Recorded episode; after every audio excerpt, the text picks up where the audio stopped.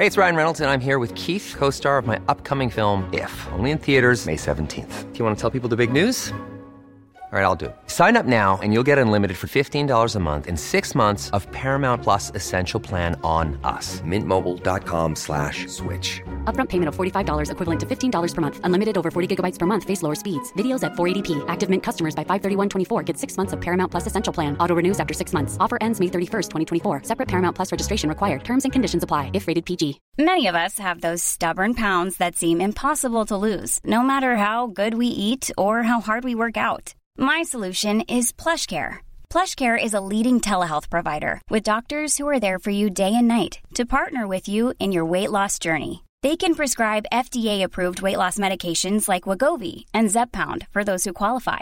Plus, they accept most insurance plans. To get started, visit plushcare.com slash weight loss. That's plushcare.com slash weight loss. Quality sleep is essential. That's why the Sleep Number Smart Bed is designed for your ever evolving sleep needs. Need a bed that's firmer or softer on either side? Helps you sleep at a comfortable temperature? Sleep Number Smart Beds let you individualize your comfort so you sleep better together. JD Power ranks Sleep Number number 1 in customer satisfaction with mattresses purchased in-store. And now, save 50% on the Sleep Number limited edition Smart Bed for a limited time. For JD Power 2023 award information, visit jdpower.com/awards. Only at a Sleep Number store or sleepnumber.com. Ja, jeg har, ti, jeg har tiårsjubileum neste år. Dæven. Det er så gøy. Tida flyr, altså. Ja. Shit. Hva vil du si har vært høydepunktet? I karrieren min. Ja. Å komme dit der jeg elsker meg sjøl. Mm. Der jeg kan se meg sjøl inn i speilet og være fornøyd med det jeg gjør, med det jeg står for, og med hvor jeg er i livet. 730 betyr jo crazy. Hva er 730 i deg? Dette er 730.no, og jeg heter Mathilde Ullum. Velkommen til 730.no. Han har jobbet med store stjerner som Enrique Iglesias, Jason Derulo. Og har du ikke sett en eneste toppliste i ditt liv, har du i hvert fall fått med deg den tårevåte tilstedeværelsen hans som dommer på The Voice. Det er en ære å ha deg i studio, Matoma. Velkommen. Du, nå ble jeg skikkelig rørt her. Takk. Ja, det var hyggelig intro, altså. Det tror jeg er den fineste introen jeg har fått på en podkast. Nei, er det sant? Ja, det Nå begynte jeg. å gråte. Ja. Nei, det var koselig. Åh, Takk. så koselig.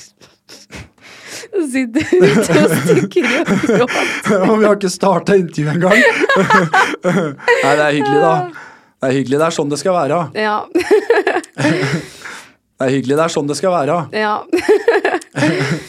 Jeg er veldig vant, og det har jeg jo kjent litt på i løpet av karrieren min, liksom at eh, vi lever i et land som har mye fordommer. Janteloven er jo ganske sterk. Jeg husker de første par åra i karrieren min, så var det jo tøft i tider noen ganger å liksom lese media og se all den harske kritikken jeg fikk. Eh, og jeg kunne ikke helt forstå hvor, hvorfor jeg fikk den, for det eneste jeg ville, var jo å spre kjærlighet og glede gjennom musikken min og gjennom eh, å spille for mennesker. Så plutselig så hadde jeg folk I USA så fikk jeg bare masse kjærlighet. Altså Det var kjærlighet hele tida. Rolling Stones, Billboard. De skrev om meg hele tida liksom at jeg hadde klart å ta hiphopen og kombinert den med da tropical og lagd en ny sjanger. da. Og så kom jeg tilbake til Norge, og så husker jeg liksom at jeg, jeg skulle spille på Slottsfjell. Som et, et eksempel. Hadde publikumsrekord, det var folkefest, det var kjempestemning. Og det var bare hele Hele arenaen der var bare fylt av kjærlighet. Og så bare tenkte jeg sånn Ja, det her, dette var så gøy, og det var godt å komme tilbake, liksom.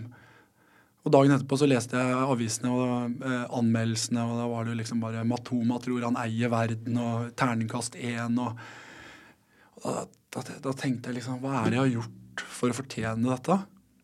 Hva, hva en ting er liksom at du kan få en, eh, få en, en kritisk anmeldelse eh, på noe, men her var det regel... Altså, jeg kjente meg ikke igjen i hvordan den personen hadde portrettert meg, da. Sånn, bare fordi jeg var av eufori av glede og kjærlighet og sto der med hendene oppe i lufta og skreik i mikrofonen 'Dette her er det villeste jeg har vært med på', liksom. For det, Maren er jo fra Tønsberg. Det betydde jo mye for meg å spille i hjemby, altså hjembyen hennes. Nei, det var tøft. Og da, da merka jeg liksom den der jantelov eh, At det her, du skal ikke tro at du er noe, liksom. Eh, og så kom det bare mer og mer eh, artikler og jeg husker liksom anmeldelsen rundt Old Thing Back. Da jeg ga ut den, så var det VG slakta han jo og sånn skrev at jeg hadde pissa på Biggies legacy. Og, var, og, så, og, så, fikk jeg liksom en hilsen fra mora til Biggie der hun sa Altså Valetta, da fikk jeg hilsning fra hun der hun liksom sa 'You kept my son's legacy going'. Og så her i Norge så, så Nei, jeg, skjønte, det rett og slett ikke. Så jeg spilte jo ikke i Norge på tre år, jeg. Ja. Å, fy fader. Mm. Jeg var mest borte i USA og spilte. Ja, det skjønner jeg, for det var jo ikke noe fristende å spille etter at Nei, man det var, var, det var litt sånn Ja, det var, det var litt tøft. Det var det. Shit. Ja, det skjønner jeg veldig godt. Liksom at jeg her har jeg skapt noe så unikt, noe så eget, da, gjennom en sjanger som, ikke, som egentlig ikke har eh, kommet ut fra noe. Det kommer fra Norge. Eh, det, var, det, var, på en måte meg og Kygo. Og han òg fikk jo masse kritikk, husker jeg. Jeg skjønte liksom ikke hvor, hvorfor. Eh, hva er det Altså Er det fordi du ikke forstår musikksmaken, eller er det fordi du er misunnelig, eller er det fordi her er det plutselig noen som har så stor eh, eh, suksess? Eh, med musikken sin? Føler du deg ufortjent? Vi du jo det hele tatt bakgrunnen min. Jeg, altså jeg, jeg, har jo drevet med musikk siden jeg var sju. Spilt piano og holdt på. Altså, Ja. Så der fikk jeg liksom en sånn reality check på at at selv om man har så mye godt i seg, selv, så, er, så, kan man fortsatt bli misforstått. Man kan fortsatt, det er folk som tolker deg for noe du ikke er, noe du ikke eh, Basert på da at du står på ei scene. Men hva tror du det kommer av? Nei, si det. Jeg skjønner bare ikke hvorfor ikke samfunnet kan løfte hverandre opp. Hvorfor vi skal ha sånn sånne kritiske mennesker i samfunnet som alltid skal finne noe å hakke ned på. Hvorfor vi ikke bare kan Og det, og det, det ser jeg jo òg med politikken nå, f.eks. Her i Norge. Vi, altså det er så mye snakk og det er så mye babling at man blir jo helt altså Hva, hva er liksom kjernen i saken? Kan du ikke bare si, stå på TV og snakke ærlig, liksom? Eh, det er så mye sånn baking og pakking rundt alt. Eh, og så glemmer man liksom essensen i ting. Man glemmer det viktige, og det er jo det menneskelige. Det, altså, det å, den trusten man har mellom mennesker. Da, og Det kommer jo gjennom kultur, det kommer jo gjennom idrett, det kommer jo gjennom samhold. det kommer jo gjennom og Hva skjer med dette landet her, da? Vi kutter jo på kultur, kutter på idrett. altså det, Jeg ser jo bare på hjembygda mi nå. Da jeg, da jeg var ung, så hadde vi jo svømmehall som var åpen flere ganger i uka. Vi hadde, nå så er det jo Det har jo bare Mens staten Norge ja. ja. Det, utgiftene går bare opp og overalt. Ja. Nei, men ikke bare utgiftene, men mm. altså hva staten Norge tjener, da. Så, så jeg, jeg, håper virkelig at de neste åra at vi ser en forandring i at det, man ser at det det blir mer kultur. Det blir mer At pengene går mer til folket? Ja, men liksom rundt omkring her i Oslo, da. Eh, man ser jo nesten ikke barn og ungdom ute på gatene lenger.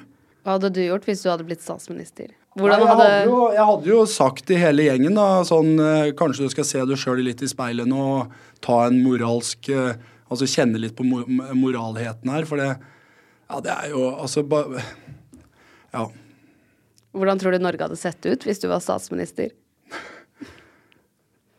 Nei, altså jeg, jeg, passer jo ikke inn i politikken. Jeg har for mye følelser. Ja, jeg er jo styrt av følelser, vet du. Jeg, jeg, det kan jo hende det kommer en dag der man, der man, bare må vike og se at her må man, nå må vi rydde opp, liksom. Nå må vi få orden på ting. Men uh, igjen så er det Da man er styrt av følelser, så er det vanskelig, for man tar alt så til seg, da. Og det var jo kanskje derfor, da med de eh, anmeldelsene og det, at jeg tok det så Selv om det kanskje ikke var personlig, men musikken min er jo personlig. Jeg lager jo musikken for folket. Ja, selvfølgelig. Ja. Selvfølgelig tar man det personlig. Ja. Det er jo kjempevondt å få kritikk på noe man har laget, og som egentlig går på personen din, personligheten din, og ikke på Nå, nå har jeg jo lært meg å leve med det. Uh, for, men nå, jeg, nå, har jeg jo blitt eldre, jeg har jo fått mer visdom. Jeg har jo vært i musikkindustrien i så mange år at jeg har jo Jeg stoler på meg sjøl, og det å ha en samboer, det å ha en, eh, en Altså en, en samboer som støtter deg, som er der, som eh, forstår deg, eh, som løfter deg, at vi er et team, det òg har jo hjulpet veldig på selvtilliten og på liksom dager der man kanskje føler seg For vi har jo dager, vi òg, der vi føler oss helt ubrukelige. Og da på en dag der du kanskje føler deg ubrukelig, eller du våkner opp, og så det eneste du kanskje trenger litt i verden, er kjærlighet. Og så er det det du får slengt i, i ansiktet, liksom. Og det, det, det, det, tok lang tid å lære, da. At folk vil alltid ha meninger om ting. Og det husker jeg Ja, det tok mange år, men nå Altså, jeg, jeg fikk jo Jeg husker jo på etter jeg ble med på The Voice, så stoppa jo anmelderen å skrive om meg. Jeg veit ikke hvorfor, men kanskje det var fordi de fikk et bilde av hvem jeg var som person. da. Men, øh, men rett før The Voice så ga jeg ut en julesang med Michael Bolton. Første julesangen min. Siste det, det, jeg, sånn, Fra jeg var liten Det jeg ønska mest, var å lage en julesang, liksom. En, sånn, en julelåt som hvert eneste år kan komme tilbake, der jeg kan glede mennesker. da. Og så husker jeg bare den der anmeldelsen. Det var liksom ternekast én, og det var sånn Er dette her tull? Og da tenkte jeg sånn Bare fordi Michael Bolton har lagd noen tullelåter liksom back in the days med Lonely Island, så betyr jo ikke at det hele karrieren hans er tull. Det er sånn, Du må jo se på hva mannen har skapt. Og så her lager vi en fantastisk fin julesang som heter It's Christmas Time, bare fordi jeg, bare, jeg tenkte for meg sjøl bare sånn dette, her er for, dette, dette blir for eh, tragisk til å være sant, altså. Ja, man kan ikke ta det seriøst. Nei, jeg, jeg, vet du hva, jeg lo, jeg. jeg, lo, og så viste jeg, og så viste jeg Maren den artikkelen, og hun, jeg husker hun så på meg, og så bare ja, men Vi går og tar oss et glass kakao og så koser vi oss uh, og ser på en koselig julefilm, liksom, og så glemmer vi det der, Tom. ja. Og det er koselig. Ja. Hvordan møtte du Maren? Du, vi møttes Ja, det var egentlig veldig tilfeldig, men vi møttes på Vulkan. Uh, ja, det blir jo typ åtte år siden, da. Uh, ja, det var en, det var en spillejobb jeg gjorde på Vulkan. men det var tre scener, så det var liksom delt inn i 18 21 og 23, tror jeg. Hun var 18 og ble 19. Og jeg var 22 og ble 23. Så hun var ikke på den scenen, så hun visste jo ikke hvem jeg var. Eller. Og jeg sto jo da etterpå utafor Vulkan og tok noen bilder med noen fans.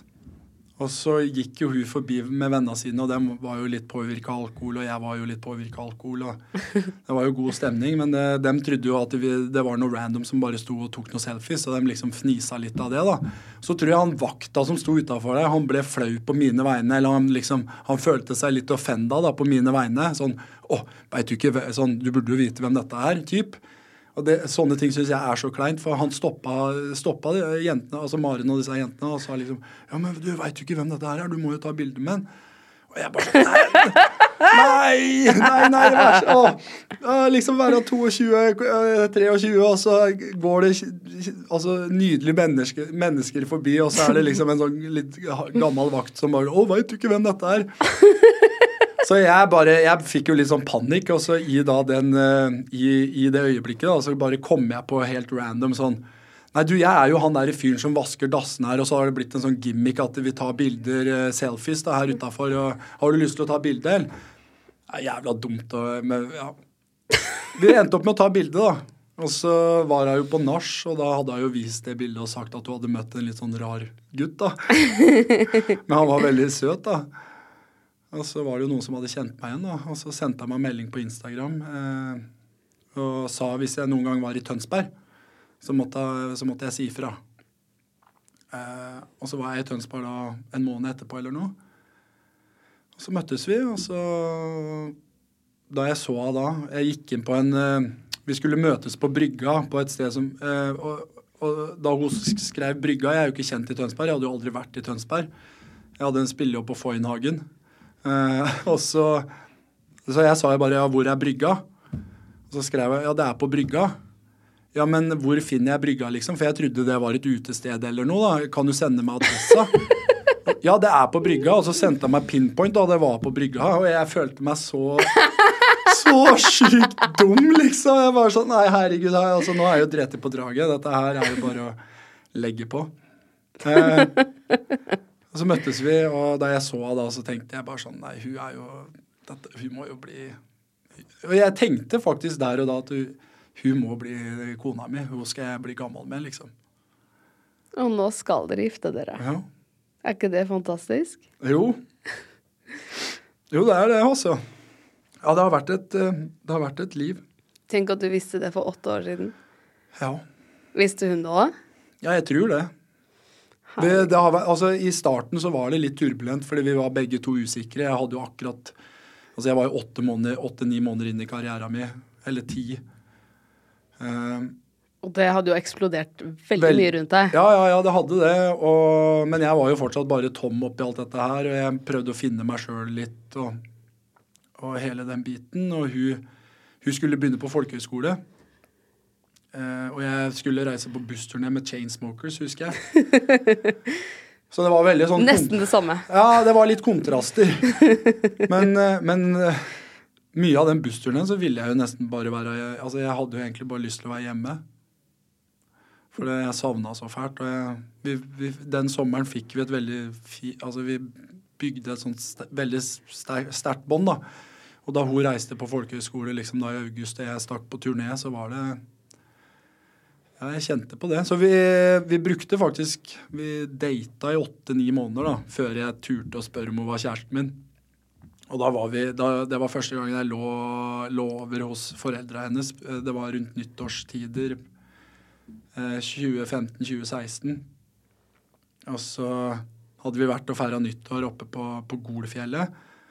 Og det hadde vært den fineste feiringa. Og så kom vi hjem til hun da, og jeg fikk møte foreldra hennes for første gang, og det var jo bare den største kjærligheten. Altså Faren hennes han, han er jo så varm og så fin. Og vi bonda jo og ble jo så godt uh, Altså, ja, vi bonda skikkelig, da. Så lå, jeg der på, eh, så lå jeg der i senga da, på natta Det var liksom natterstider da, fra 3. til 4. januar. Så spurte jeg liksom sånn ja, du, Maren, er det liksom, går det greit om jeg sier til kompisene mine at du er kjæresten min, eller? Og hun bare liksom sånn, ba, sånn Med en sånn energi som var Hun ble nesten litt sånn fornærma. Og så bare sånn Jeg tok det som en selvfølge, bare sa Som at det, det, var, det var ikke noe big deal. Og det, da, da, da husker jeg da Da jeg nussa da, og så sa vi Og så la vi oss. Eh, og jeg skulle til å sovne da, så husker jeg bare at jeg kjente en sånn eufori av kjærlighet. Så koselig. Og jeg tror, eh, jeg tror liksom vi, Og vi har jo Vi har jo stått i tykt og tynt, liksom. Det har jo ikke alltid vært lett. Og jeg har jo vært mye på farta. Altså, første året mitt med hun var jo 300 dager på reise. Og Har hun vært med deg på de turene? Noen av dem. Altså bare litt her og der. Eh, hun var kanskje med på 20-30 dager av dem. Så jeg var jo mye borte, da. Oi.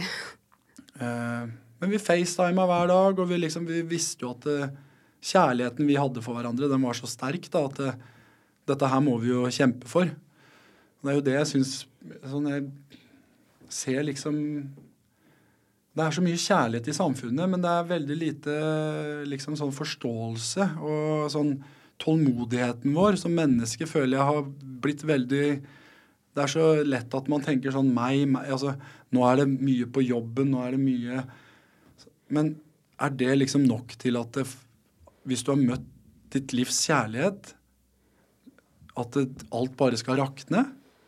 Så, ja, jeg, Foreldra mine er jo skilt, og foreldra til Maren er jo sammen. Og jeg syns jo det er trist at foreldra mine er skilt. Fordi jeg, jeg, jeg tror på en måte at eh, de var jo de var gift i nesten 30 år. Hvor gammel var du da de skilte seg? Eh, Jeg var 22 21? 22? Jeg husker ikke helt. Det, akkurat de minnene der er litt va vage. Det var mye følelser. Ja, Ja. det var det jeg tenkte hvordan det må ha vært for deg. Det må ha vært veldig tøft. Ja, nei, men samtidig så var det Fordi vi hadde jo flytta ut hjemmefra, så, så sånn, det gikk fint sånn sett, altså. Det, det gjorde det. Så det var mer Det var mer Ja. Nei, det er vanskelig, vanskelig, vanskelig å beskrive de følelsene.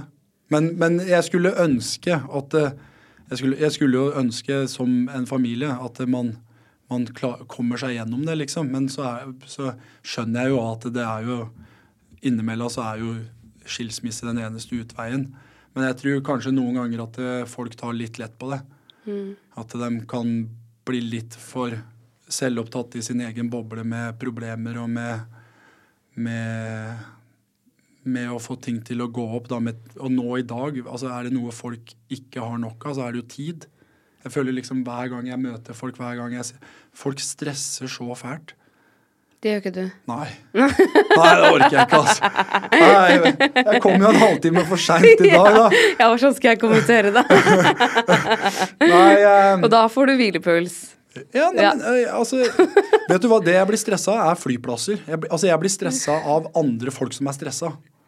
Ja, det blir jeg òg. Ja, altså, det yrket jeg har valgt, er jo litt sånn Det er jo ikke det beste yrket eh, sånn for den mentale helsa mi. For jeg, jeg, er jo bare omringa av stressa folk. Sånn flyplasser, Altså, Mesteparten av tida mi er jo på reise. Ja, og rett inn, lydsjekk, ja, teste. teste. Å, den funker ikke. Ja. Vi må ha en Har vi glemt reservedeler? Ja, la, la, la. Jeg kan ikke navn på de tingene du bruker. Nei, nei, nei, men jeg skjønner akkurat hva du mener. Og så skal du inn, og så fungerer ikke mikseren, og så skal du rett til en ny, ny gig, og så er ting forsinka, og utstyret er i tollen. Det, det, som er, er veldig forskjell på å være DJ og være artist, det er jo at som DJ så har du jo, du har jo muligheten til å ta på deg mye flere spillejobber. Fordi du du er jo ikke avhengig av det, altså bandet ditt, du er jo ikke avhengig av at stemma di skal altså Hvis du har en sår hals, da du skal synge, du skal synge alt du kan til uh, crowden, liksom, så går jo ikke det hvis du har sår hals. Altså, jeg har jo stått Jeg har Jeg veit ikke om du har sett den uh, dokumentaren min, One in a Million, men der er det jo et klipp der jeg, der jeg står og kaster opp i ei bøtte, og jeg har to, altså 41-ish i feber. Nå skulle jeg til å si 42, men det hadde jeg jo ikke. Da hadde jeg vært dau. Hadde kanskje 40-41 i feber. Jeg var daudsjuk, liksom. Og ennå så gjorde jeg giggen. Ja. ja. Har du hatt mange sånne opplevelser? Et par. Ja, For de kommer jo. Ja, de kommer, og så har jeg ikke hjerte til å kansellere, da. For jeg tenker jo på alle de som har kjøpt billett, som er der for å se meg.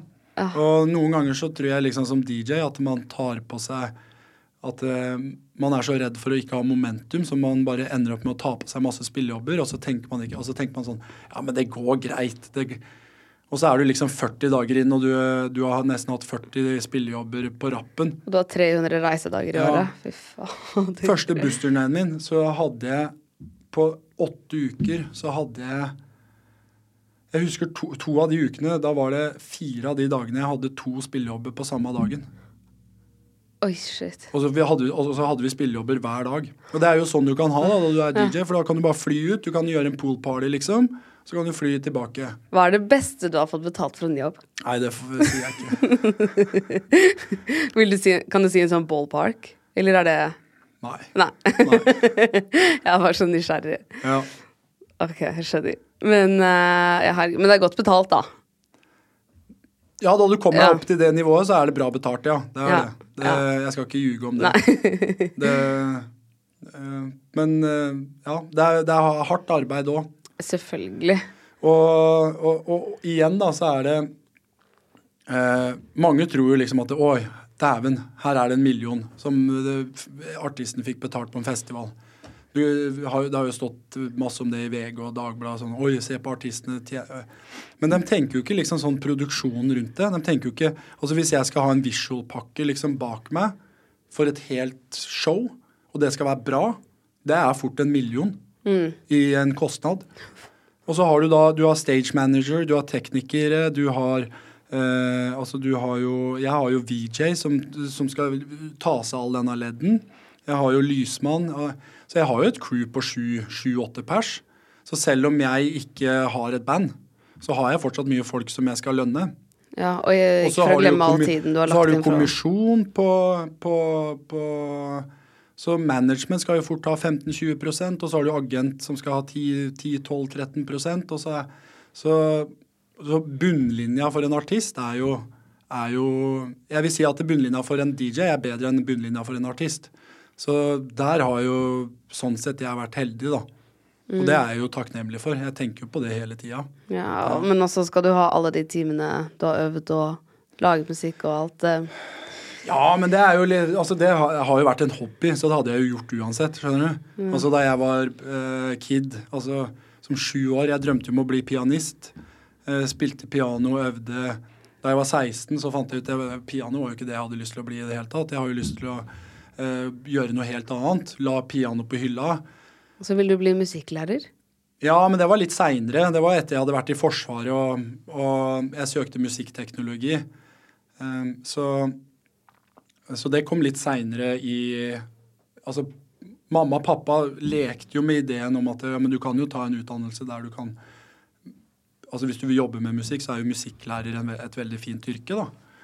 Det er jeg jo enig i, men eh, jeg tror jeg hadde blitt ganske Altså, jeg klarer ikke å sitte stille, vet du. Du ser jo Jeg er jo, er jo ganske Hvordan var du på skolen da du var yngre? Nei, de kalte meg jo klassens klovn. er det sant? Ja. Hvorfor det? Nei, det var jo Jeg hadde jo mark i ræva, da. Jeg satt Jeg klarte aldri å sitte stille. Jeg hadde, altså, hver skoledag var liksom et mission om at jeg skulle få noen til å le. da. Og Hvis jeg klarte å spre glede og liksom få noen til å le, da følte jeg meg bra. da. Så, Så du så syns ikke fag og sånn var så morsomt? Jo, jeg syns jo jeg var jo flink i historie. Sånn. Jeg har jo hatt gode karakterer, men jeg har ikke jobba for de karakterene. Det har jeg ikke. Um, broren min er jo jævlig smart. Han, er jo, han har jo eh, kjemigrad, altså han har mastergrad i kjemi. Jobba som prosjektleder i, i Oceaneering, han har jobba i Veidekke. Nå, er, nå bor han jo oppe i Mosjøen. Mhm, jobber på aluminium, aluminiumsfabrikken oppe i Mosjøen. Så det jeg er veldig stolt av han. Men, og at han har tatt den akademiske veien. Jeg har jo tatt litt mer den kunstneriske og vært litt mer sånn lus. Men så morsomt at to gutter fra samme DNA som har liksom vokst opp i akkurat samme miljø, går så forskjellige veier. Ja. Og at vi havner på så forskjellige plasser. Ja. Han oppe i Mosjøen og jeg Ja. midt i Oslo. Det.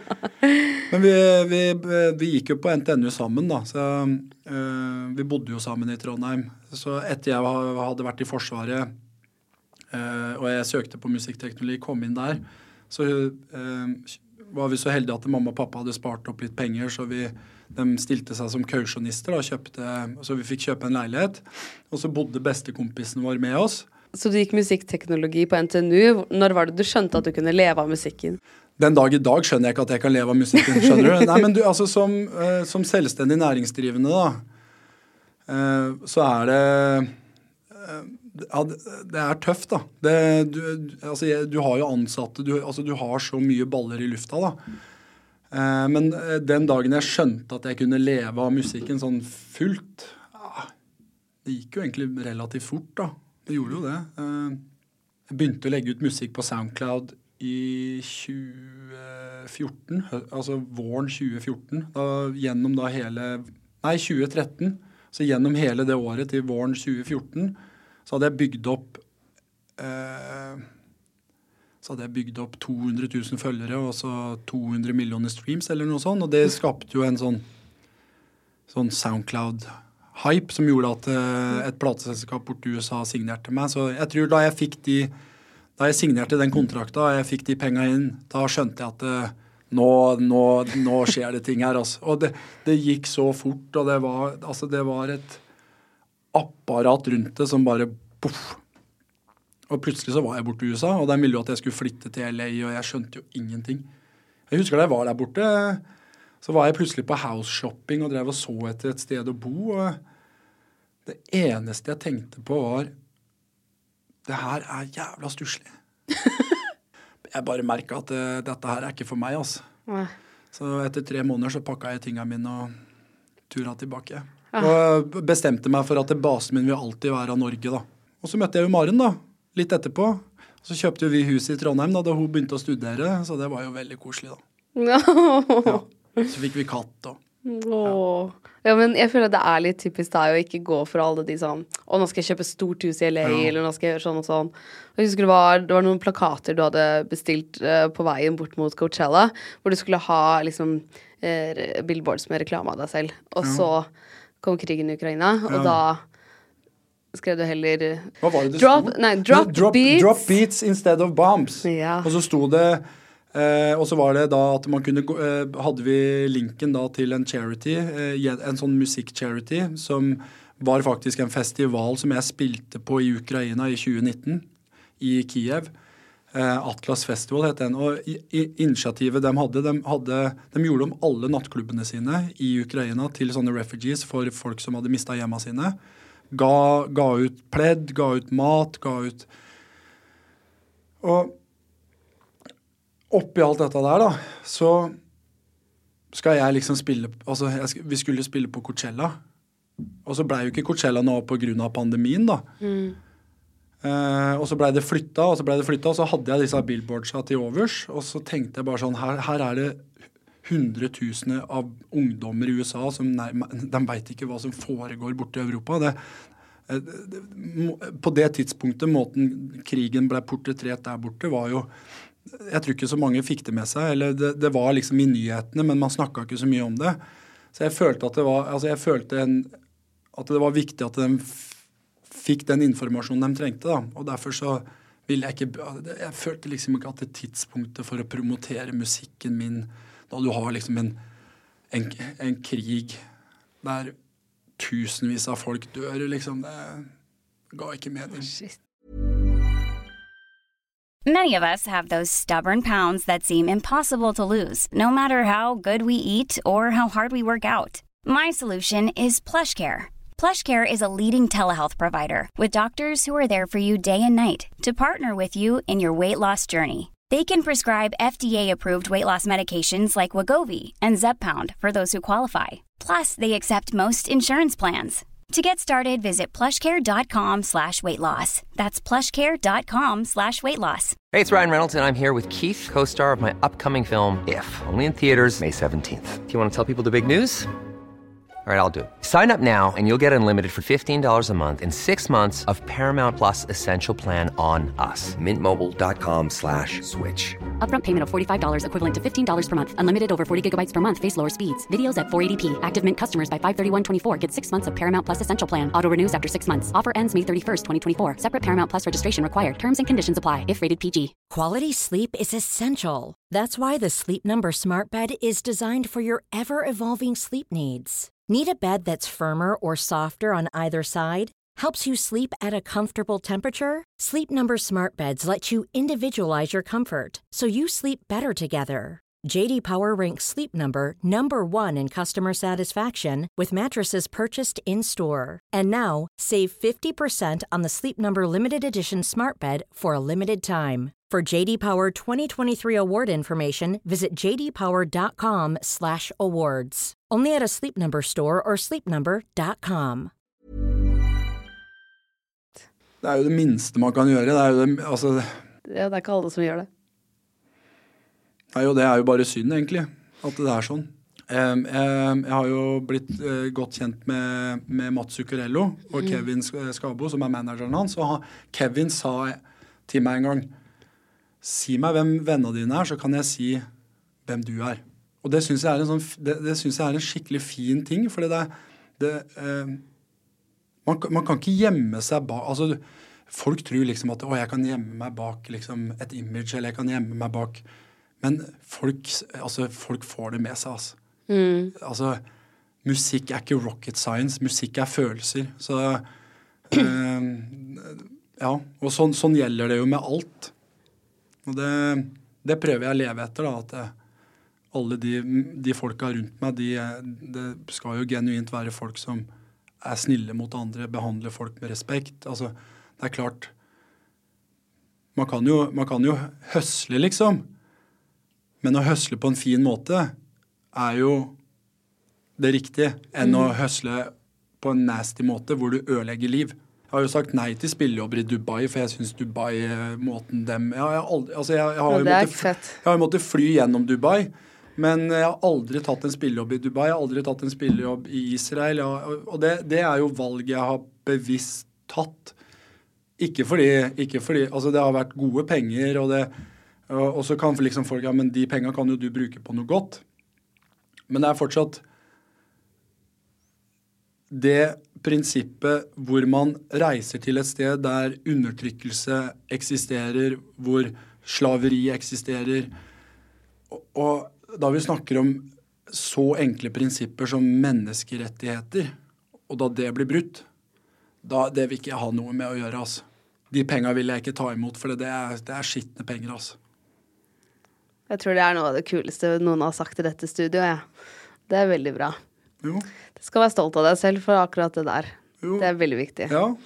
Men det, men det er hele teamet mitt, og det, det har vært ifra dag én. Og jeg, jeg husker liksom da jeg møtte Andrew, manageren min, da, første gangen, så Og da, da sto jeg mellom å signere med 360 Entertainment, altså det var uh, William Morris Group, altså det var mange, altså mange management borte i USA som ville ha tak i meg.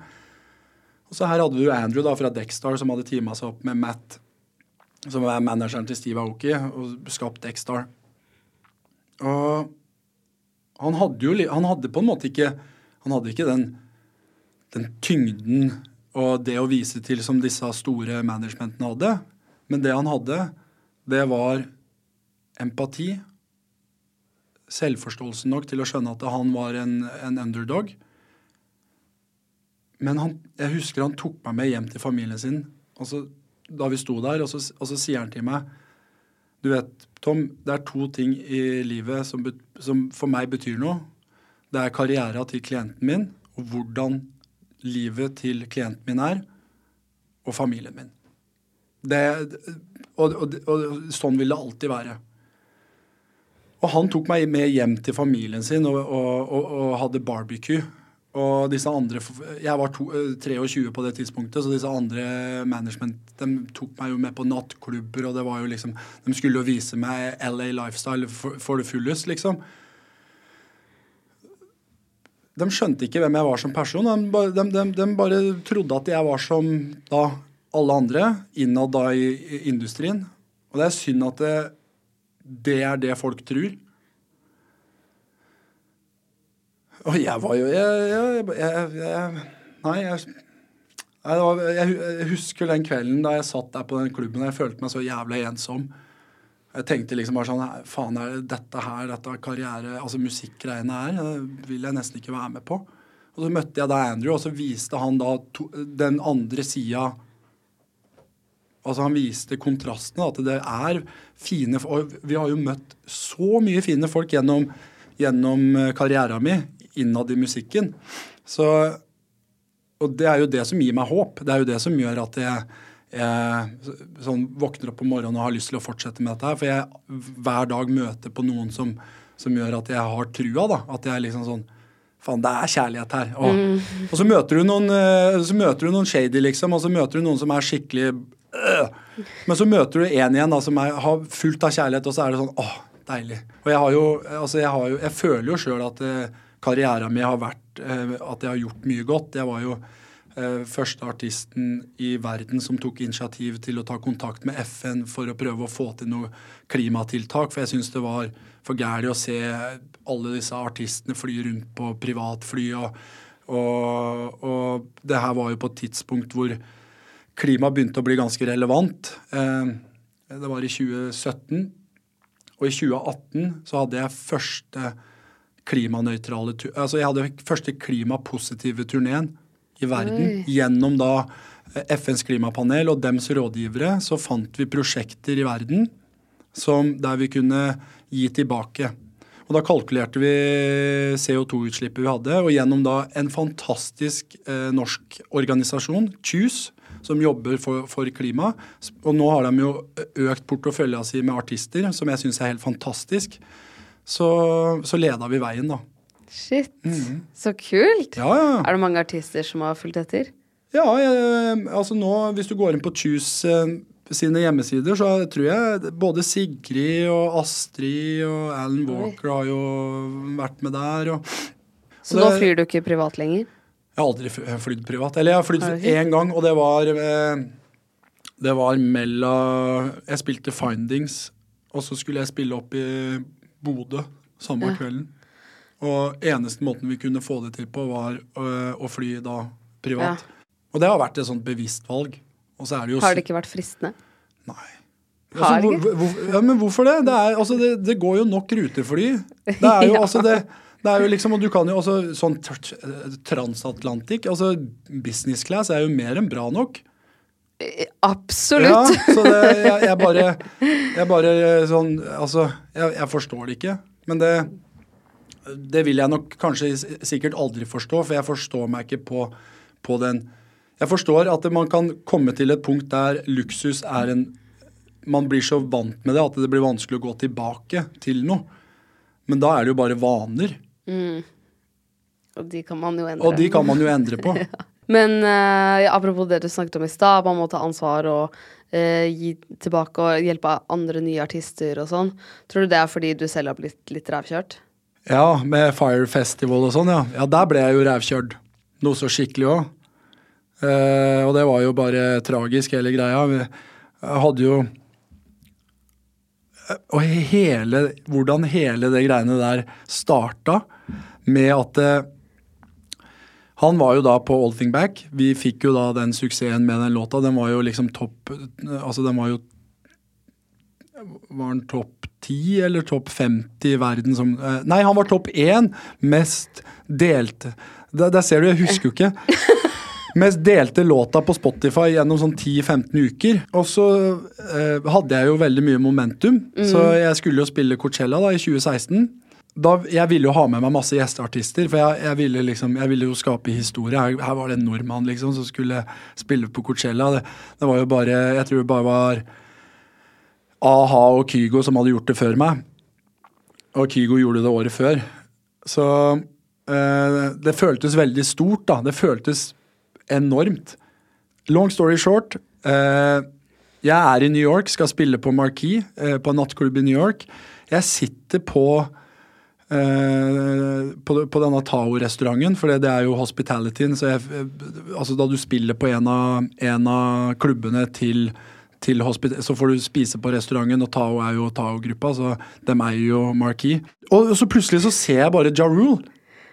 Sitter på, på, på et bord med, med, med eh, kona si.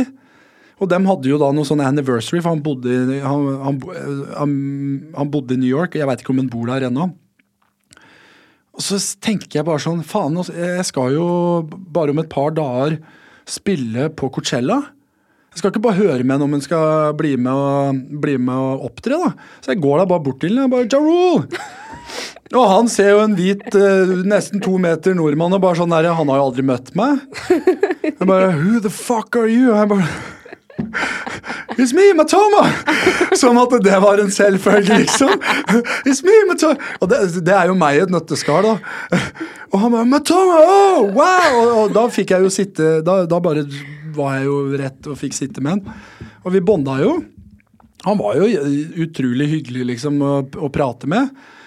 Og så tenkte jeg bare Nei, nå må jeg bare prøve meg. Nå må jeg bare prøve meg. Uh, I'm playing Coachella in a couple days. It's gonna be amazing. What will it take to get you to come and perform All Thing Back? Og så sa han da two uh, first class tickets fra New York til LA. Og så et privat uh, helikopter fra LA til Coachella. Så skulle han være på scenen. Og jeg bare Fader, det, vi, det blir jo dyrt, men det må vi jo få til. Så jeg bare tar telefonen til Andrew samme kvelden, eh, manageren min, og du bare I think I've got your rule to come and perform. Og han bare What do we need? What does it take? Og så sa jeg hva det krevdes. I løpet av 48 timer så var det confirmed. Han kom, Acon kom. Eh, Jeg inviterte jo Nico Vince. Eh, Madcon var jo med. Sean, Sean de Paul, Sean, de, Sean Paul var jo med. Ja, det var jo helt, helt spinnvilt. Og eh, sånn ble jeg jo kjent med Ja Rule. Og da han skulle da Da han eh, ringte meg og sa I, I, have this festival, uh, Fire Festival. I really want you to come and play. Så tenkte jo jeg liksom Ja, men han kom jo til Coachella og, og, og, og spilte og stilte opp. Det er klart jeg skal komme og stille opp og være med og spille med han. Og jeg skulle jo få betalt og sånn. Og uh, booka hele turen uh, Booka da For det, det var jo to helger, så, og det var jo på Bahama, så jeg hadde jo booka hotell og flybilletter og alt. Og, Det var jo kostbart, dette greien. Faen meg, det var ikke billig å bo der. Og så plutselig så bare er vi på den øya. Og så bare begynner socials og bare plinge, liksom. Bare sånn derre uh, Og så ringer management, og så ringer agent, og så, og så er det sånn Det her er jo bare scam. Alt sammen. Det her er jo en eh, vi, Altså, jeg var en time fra å lette til da den øya som vi skulle spille på.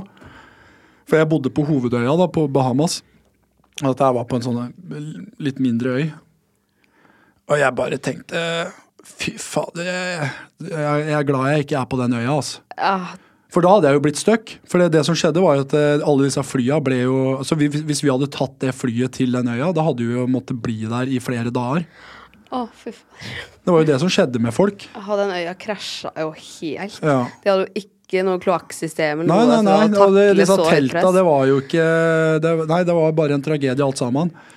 Og han, eh, han ene partneren deres, eller jeg veit ikke om han er partner, men eh, han eh, Og hva heter han? Larry Fuck Jerry. Ja, det var Fuck Jerry, stemmer det. Og han, han husker jeg, han tok en så toll av dette her. For den brukte jo han som en sånn For han er jo en, eh, en Han bor egentlig i Charleston, jeg har møtt han etterpå. Han gjør jo masse godt, liksom. Og han, ble, han nå ble jo rævkjørt. Skikkelig. Shit. Og den brukte han som en sånn promotørings... eh, altså brukte han som en sånn promotøringskanal da, og en sånn connector. Og jeg, jeg, jeg har bare møtt den, for jeg har spilt et par ganger i Charleston etterpå, og så har jeg møtt den, liksom. Han, han, han er jo en sånn person som meg med masse følelser, så han satt jo der mens han prata bare grein. Og han sa det jo rett ut at han følte at han hadde tatt livet av hundrevis av folk. Fordi han ikke visste hva dette var. Og jeg tror òg han ikke helt Da Netflix lagde den dokumentaren de lagde, så tror jeg ikke helt at da, da han satt der og prata som en åpen bok, da, at det, det var liksom det uttrykket som skulle bli definisjonen på han. da. Fuck Jerry, liksom. Ja. Så det òg Han sa jo det etterpå, at det har jo vært veldig tøft for han. ja, det skjønner jeg. Ja, ja nei, det, altså, det er utilgivelig, det de folka der gjorde, altså. Ja, så da ble du bare igjen på Bahamas? Og Ja, jeg måtte jo bare det, da, til, jeg, til flyet skulle gå, da. Jeg hadde jo ikke Altså, jeg hadde, kunne jo ikke bare Jeg hadde jo liksom booka dette hotellet ei uke, da. Jeg skulle jo være der, og jeg bare sånn hva, hva, hva skjer nå, liksom? Det var jo bare Hele greia var bare så guffent. Det var skikkelig Og så i ettertid liksom å se liksom hvordan det påvirka lokalsamfunnet på Bahamas og sånn. Nei, faen, jeg, da jeg så den uh, dokumentaren, så satt jeg der i tårer og jeg bare sånn Dette her er faen meg bare tragisk, ass. Ah. Så, Har du snakket med Ja Rule etterpå? Nei. så Men jeg syns hele den der opplevelsen der med å bli skamma, liksom, det var uh, Det gjorde noe med Det gjorde noe liksom med Ja, igjen, da, hvordan du ser på industrien. Ja, det er helt sykt. Ja, her, altså her, her bokstavelig talt er det folk som ødelegger andres menneskeliv. Og så har de ikke noe form av empati, sympati, moralhet. Altså det, det eksisterer ikke. Det eneste de tenker på, er capitalize, capitalize. Altså her skal vi bare tjene penger. Jeg følte meg, jeg følte meg skitten nærmest. Her, er, her har de liksom brukt navnet mitt til å selge billetter, og folk har liksom betalt for å komme, og så kommer de, og så er det bare scam. Piss. Du ble jo lurt, du òg, da. Ja, ja, jeg blei jo Det- ble jo, alle- blei jo lurt, men det Mm. Igjen, da. Du, du føler jo, siden navnet ditt er brukt, da, så føler du jo Vi har jo blitt veldig etterpåklokt. Altså, nå er det jo liksom sånn, nå er det jo altså, alle sånne nye festivaler som man ikke, kanskje ikke har hørt om, eller som er Da, da er det dobbeltsjekking, trippelsjekking. Altså, altså, du er nesten oppe i ti ganger og sjekker det før du confirmer sånn Yes. yes. Og det er jo en skade jeg har fått etter dette. Ja. Fordi jeg, ikke, jeg, jeg vil jo ikke at det der skal skje igjen. Men det var jo veldig mange som hadde knytta navnet sitt opp mot det. Jeg husker det var sånn reklamefilm som Kennel Jenner og alle de hadde Ja, vært ja, med ja, på. åh, med disse grisene og det, ja. Å, her. For et opplegg.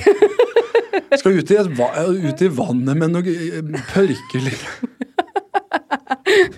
Er det der vi er? ja, Markedsføre festivalen Ja, med alt annet enn musikk. Nei, da går jeg i fjøs i stedet. Altså.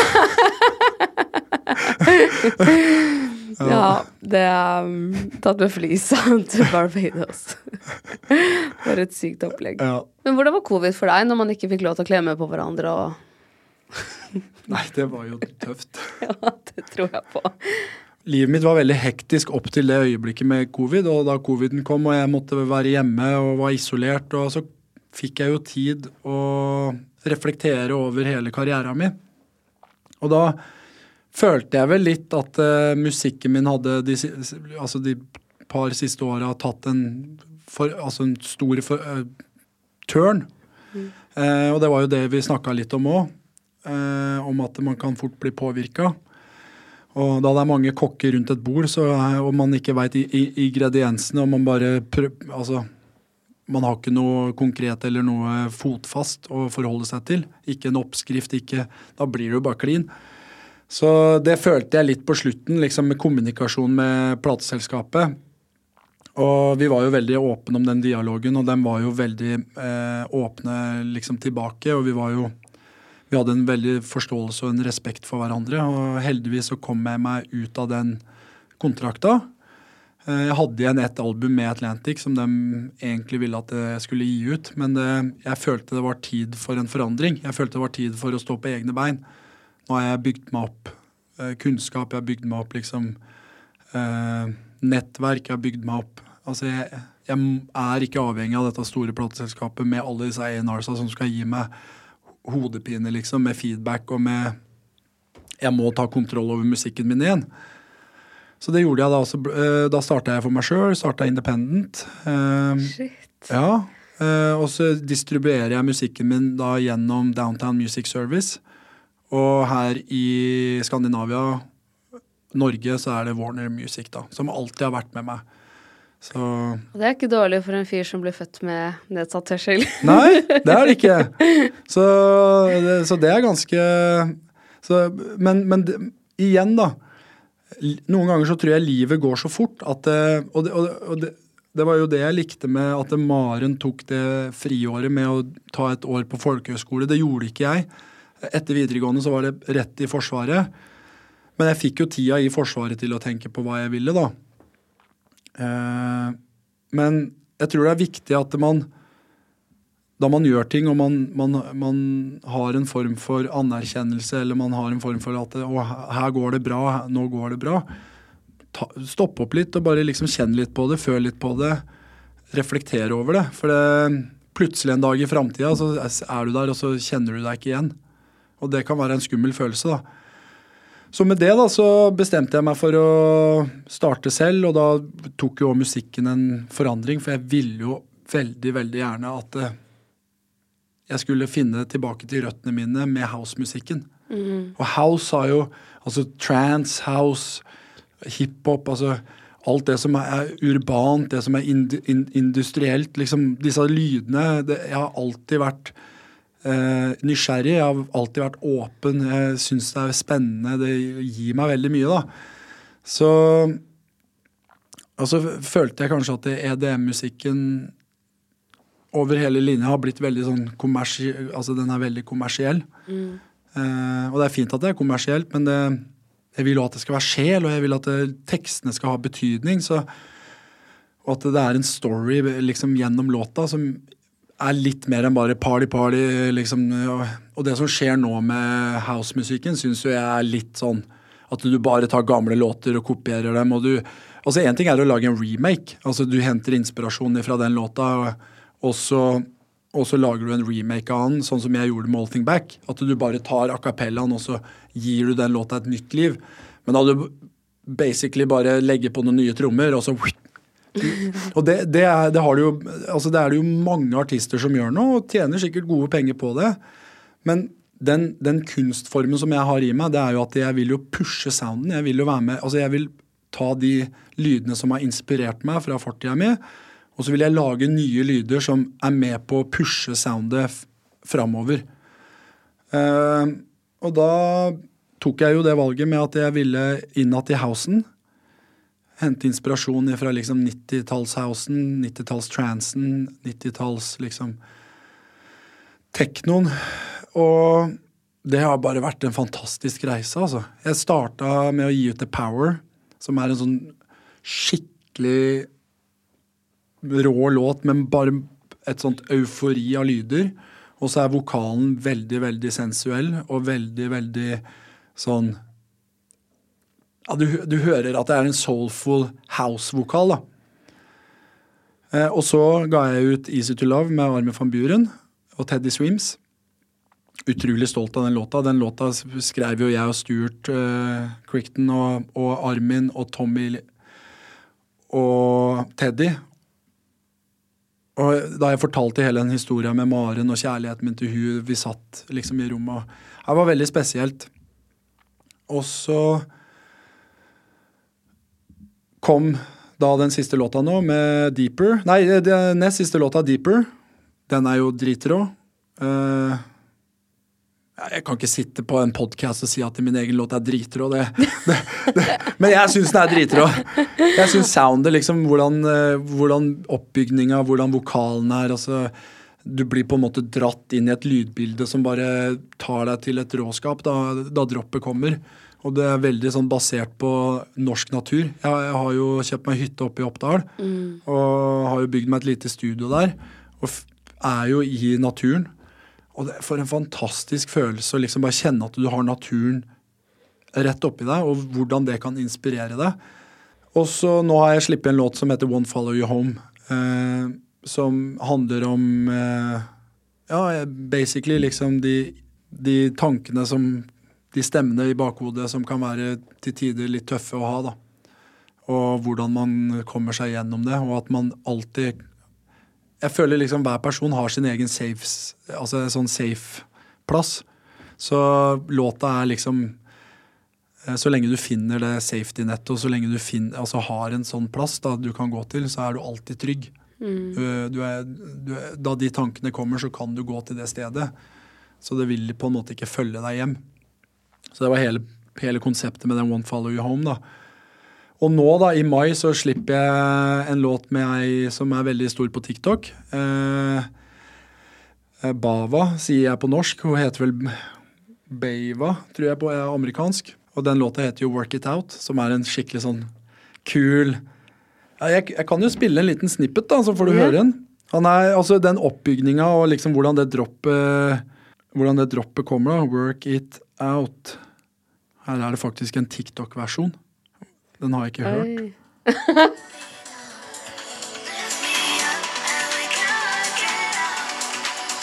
Den er liksom for sommeren, da.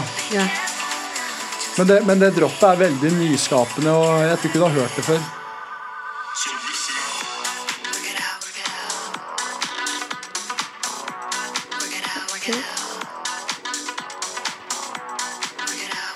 Ja, du, har lyst, du, har lyst, til å gå på klubba liksom og bare ikke tenke på noen problemer og bare kose ja. deg når du hører ja. Det var dritkul. Det, og det er jo hele Det er jo liksom Det er jo derfor jeg lager musikk. Det er jo for at folk skal glemme Altså da de kommer på konsert eh, med Matoma, så er det jo for at du bare skal legge bort alle bekymringer, legge bort stresset. Du skal være der med de du er glad i, og kose deg. Shit, den var dritkul! Jeg gleder meg til den kommer ut. Yay! Yay! er du klar for en spørsmålsrunde? Ja. Altså, Det har jo vært spørsmål, men det her er fra Instagram. da. Å oh, ja, det er det, ja? Mm. Det er folk som har spurt? Ja. Oh. Ladies and gentlemen. Instagram spørsmålsrunde. Instagram spørsmålsrunde. Spør om hva du vil. Hvordan er det å være kjæresten til Angelica på TikTok? Åh, Nei, du vet hva, det er, det er stort. Ja, ja Angelica, hun, vet du hva, vi trenger flere mennesker i samfunnet som Angelica. Å møte den familien og se det forholdet de søsknene hadde til hverandre, Selene og Angelica og Nei, det syns jeg Og jeg husker bare Jeg inviterte dem med på Sentrum Scene på konserten min, og jeg hadde jo satt av, altså stengt av et område for dem. Og jeg var litt redd for at da jeg skulle på, da, begynne å spille, at, eh, at hun ikke hadde energi da, til å liksom få oppleve eh, DJ-konserten ja. sånn skikkelig. Men du, altså, du skulle ha sett da med en gang jeg gikk på, liksom. Da var vi Altså, vi, jeg så henne rett inn i øya. Hun var klar, altså. Hun bare reiste seg opp og Ja! Og, det, og jeg blei Å, fy fader, det, det gjorde hele kvelden min. Og jeg, jeg, jeg, ga jo masse shoutouts på mikrofon og bare Angelica, jeg ser Og hun sendte meg slengkyss, og nei, så vi er kjærester. Åh. Det er vi. Men nå har jeg sett jeg har fått eh, competition. Nei, er det sant? Ja, var det ikke, var det ikke Bjørn Eidsvåg eller noe sånt? Nei. Åh. Ja, jeg tror Har du eller, bytta ut? Ja Eller jeg tror ikke jeg bytta ut. Nei, det, bare Det- et, et, nei, det tror jeg ikke. Nei da. Det er bare flere. Ja, her er det en Altså, vi er en stor happy family, vi. så, For de som ikke har fått med seg det, så har Angelica og Selene en veldig fin, Fin, TikTok-konto. Ja. er- og jeg syns liksom åpenheten til, til Selene om om søskenforholdet deres. Det er så fint, og det er så inspirerende, og det, er, det, det, det gir så mye, da. Det er noen som spør Ga du nummeret ditt til en ansatt på Kiwi her om dagen. Det gjorde jeg! Han var jo så søt! Bertil het han! Jeg, jeg, stressa så fælt med Jeg stressa så fælt med å finne olivenolje. Og så spurte jeg han du, veit du hvor det er olivenolje. Og så, og så sto han oppi og dreiv midt i noe, og så snur han seg, og så, og så hadde han den fineste energien, liksom. Og så sier han 'Du, jeg skal vise deg hvor det er'. Og så gikk han jo bare to meter, og så der er det. For det var jo på den reolen, så han kunne jo bare sagt 'du, det er her'. Og da, da sa jeg Og så, og så spurte han 'Fader, du lager så bra musikk. Kommer det noe ny musikk snart, eller du må, du må legge ut mer?' Og da blei jeg så glad. Og så sa jeg 'Hva heter du, da?' 'Jeg heter Bertil'. Og så 'Har du noen tips angående olivenolje?' Og da fortalte han at han var student. Og at eh, han, eh, han bare Han kjøpte jo bare First Price eh, olivenolje. Så jeg tok en First Price olivenolje, og og så sa jeg til han hvis du har lyst til å For han lurte på om jeg skulle spille noe i Oslo-området, eller spille i Nei, jeg husker ikke hvordan. Men da sa jeg da at gi meg nummeret ditt, for da, da skal jeg gi deg en billett.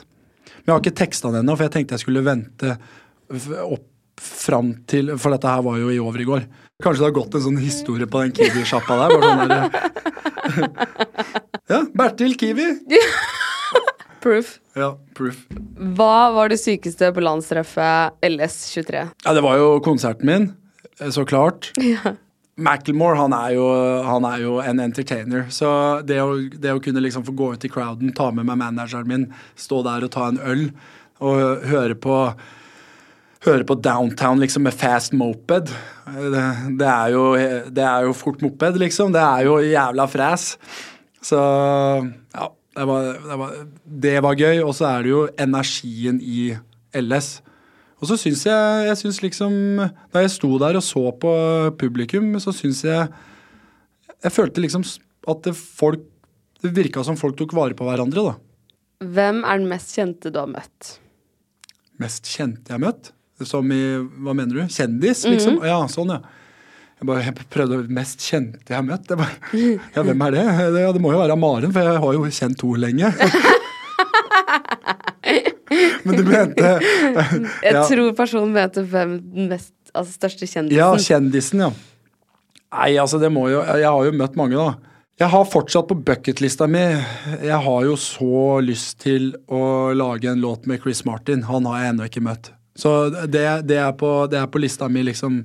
Men av folk jeg har møtt, så er det jo Jeg har møtt Acon, jeg har møtt Jennifer Lopez, har jo møtt eh, har jo, altså Alle disse har jeg jo samarbeida med. Jason Derulo, Jason Derulo, Enrique Iglesias. Jason var jo jævla fet. Han, han var jo skikkelig fin fyr. Ja, nei, altså, jeg veit ikke. Jeg blir ikke så sånn Får- altså, Det, det, det syns jeg nesten de der hjemme kan bestemme, og alle de har ramsa opp. Ja. Ja. Og så det, har jeg møtt uh, Nicki Minaj. Uh, Har du møtt Kim Kardashian? Ja, og så Snoop har jeg vært i studio med. Uh, Hvordan var det? Nei, det var, det var jo helt fræs. Jeg var egentlig i studio med Far East Moment, og så var vi i studio til Snoop. Eh, og så gikk ikke den session så bra, og så gikk Snoop tilfeldigvis i feil studio. Og så hadde jo de gått, og der satt jo jeg og Loka, da. Så bare prata vi litt sammen og exchanga litt, og jeg tror, jeg, jeg tror liksom, Siden jeg er så Siden jeg bare er meg sjøl, så folk tror jeg blir litt fascinert over meg, skjønner du? Jeg, så jeg så Nei, det var jævla funny, og så endte vi opp med å lage en låt sammen, så det, det var jo gøy. Fordi han gikk inn i feil studio? Ja, jeg tror det. Det var liksom uh, han fikk jo et inntrykk av hvem Atoma var da. da. Så, så managementet mitt hitta han opp uh, på den der 20-årsjubileet til, til, til uh, Notorious BRG. og og det var jo med Faith Evans og sånn, så, så, var det jo liksom Det var jo bare full klaring. Det var jo bare all good. Boom, smack. Så ja. Ok. Hvis du kunne valgt én å spise middag med i hele verden, hvem skulle vært? Hvem som helst. Kommer nok alltid til å velge Maren. Jo, det var det jeg tenkte du kom til å svare. ja, for okay. du, man, må, man må leve i nuet. Mm. Altså, selv om man har et liv, så er det sånn Du veit ikke hva morgendagen bringer, liksom. Så det, det er så viktig å liksom være takknemlig for det man har her og nå. Ja. Ja. Det var ikke Chris Martin, det var Maren. ja. Ja. Akkurat på den middagen så er det det, altså.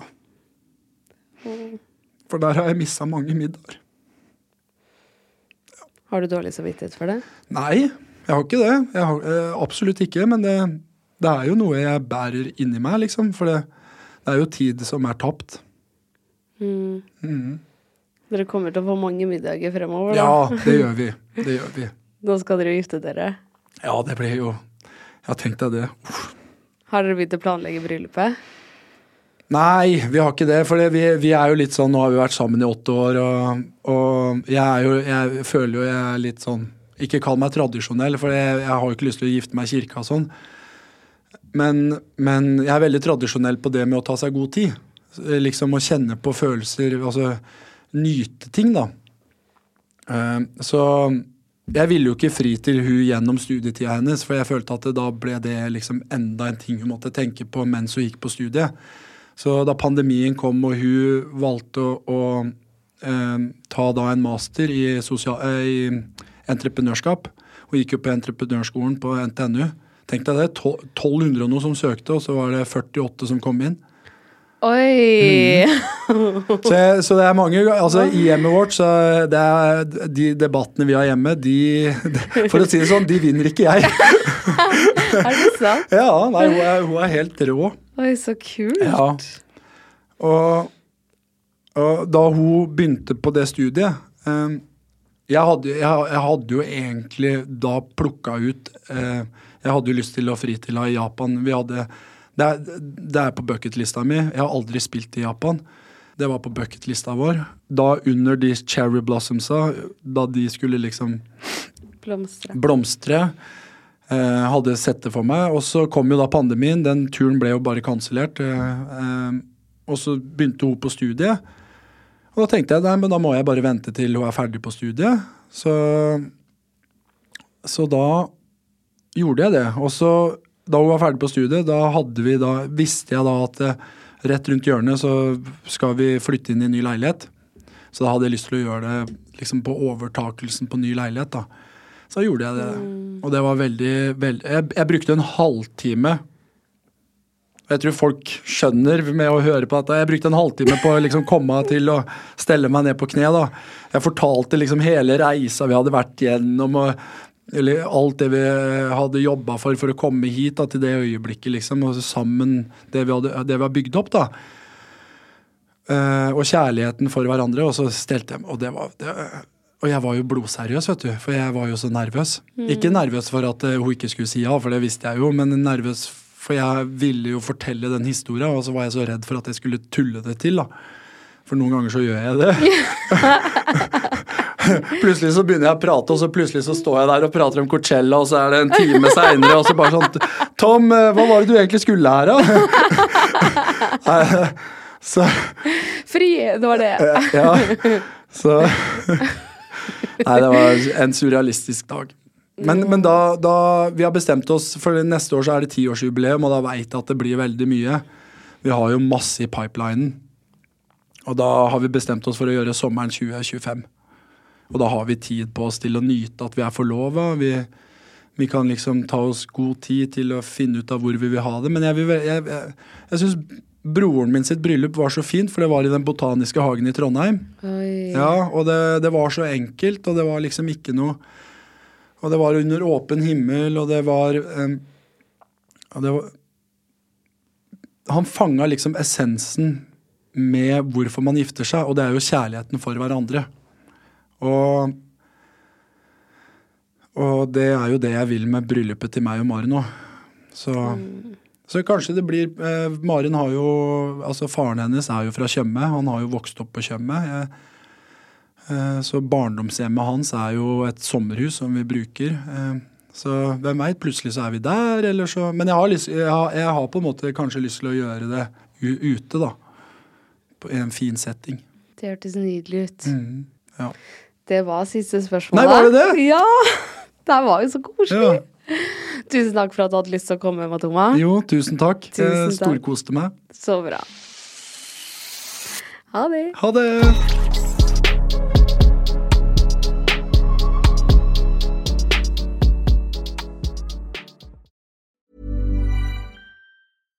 This message comes from BOF sponsor eBay. You'll know real when you get it. It'll say eBay Authenticity Guarantee. And you'll feel it. Maybe it's a head turning handbag, a watch that says it all, jewelry that makes you look like the gem, or sneakers and streetwear so fresh every step feels fly. eBay gets it. So look for the blue check mark next to that thing you love and be confident that every inch, stitch, sole, and logo is checked by experts. With eBay Authenticity Guarantee, you can trust that feeling of real is always in reach. Ensure your next purchase is the real deal. Visit eBay.com for terms. Tusen takk for at du hører på 730-podden. Hvis du har lyst til å være veldig kul, så er det bare å legge igjen fem stjerner. Og da blir jeg veldig glad, fordi det er jeg som lager alt til denne podden. Og jeg trenger masse gode stjerneanbefalinger for å kunne be sjefen min om litt høyere lønn. Så det hadde vært veldig fint. Jeg slipper nye episoder hver eneste tirsdag. Og hvis du ikke har hørt alle ennå, så er det bare å spole tilbake i biblioteket. Og trykker du på følg, så kommer alle de nye episodene rett inn i spilleren sekundet de blir sluppet. Send meg gjerne en DM hvis det er noen du har veldig lyst til å ha som gjest. Og husk at vi alltid poster spørsmålsrunder på Instagram Story, så da kan du få med spørsmålet ditt i neste episode hvis du vil det. Ha det bra!